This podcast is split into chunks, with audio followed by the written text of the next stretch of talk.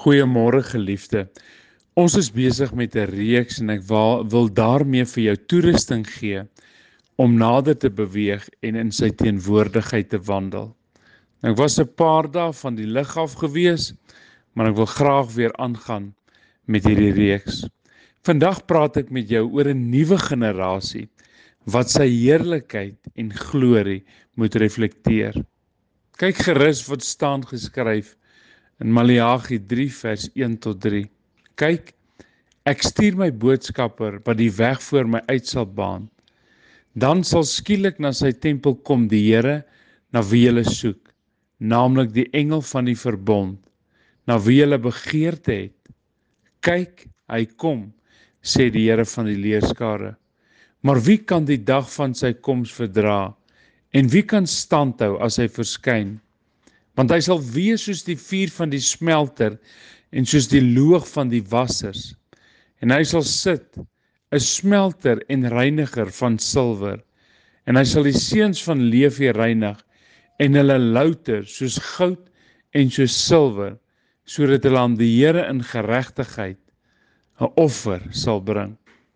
Ek glo dat die Here besig is om mense op te rig wat sy glorie sal manifesteer mense wat in sy beeld gemaak is en wat sal beweeg in sy karakter.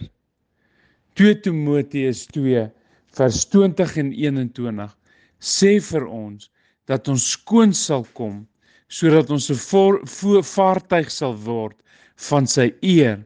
Ons heilig sal wees en bruikbaar sal wees deur die meester wat vir ons voorberei het vir goeie werk. Daar is twee tipes van vaartuig wat ons kan wees.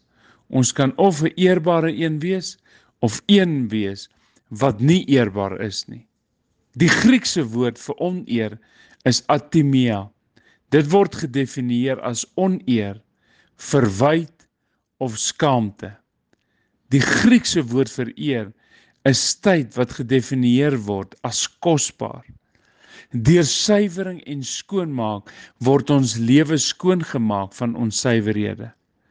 Paulus praat van goud en silwer. Hulle skoonmaakproses stem baie ooreen. Baie selde kom gou voor goud voor in 'n suiwelvorm. In 'n suiwer vorm is dit sag, buigsaam en vry van korrosie en ander stowwe. Die parallel in ons lewe is dieselfde voor God. 'n Suiwer hart voor God is so suiwer goud. Wanneer ons deur hom gesuiwer word, kom al die onsuiverhede na vore. Petrus sê dat ons in hierdie suiweringsproses leer ons van God se karakter. Die proses kan moontlik gepaard gaan met uitdagings vir 'n kort tydjie Hierdie beproewing sal bepaal of 'n mens se geloof eg is. Maar weet dat hierdie geloof baie meer werd is as goud. Verder, wanneer ons deur hierdie proses gaan, sal hy ons karakter verander sodat ons Jesus kan reflekteer. In die volgende 5 dae gaan ons hindernisse bespreek wat ons sal keer om nader aan hom te beweeg. As ons so 'n generasie wil wees, sal ons die struikelblokke moet verwyder. Verandering is nooit maklik nie in en in ons eie beperkte krag onmoontlik. Maar wanneer ons saamwerk met die krag van die Here se Gees deur gehoorsaamheid, dan sien ons dat transformasie plaasvind lank voordat dit as ons dit in ons eie krag gedoen het.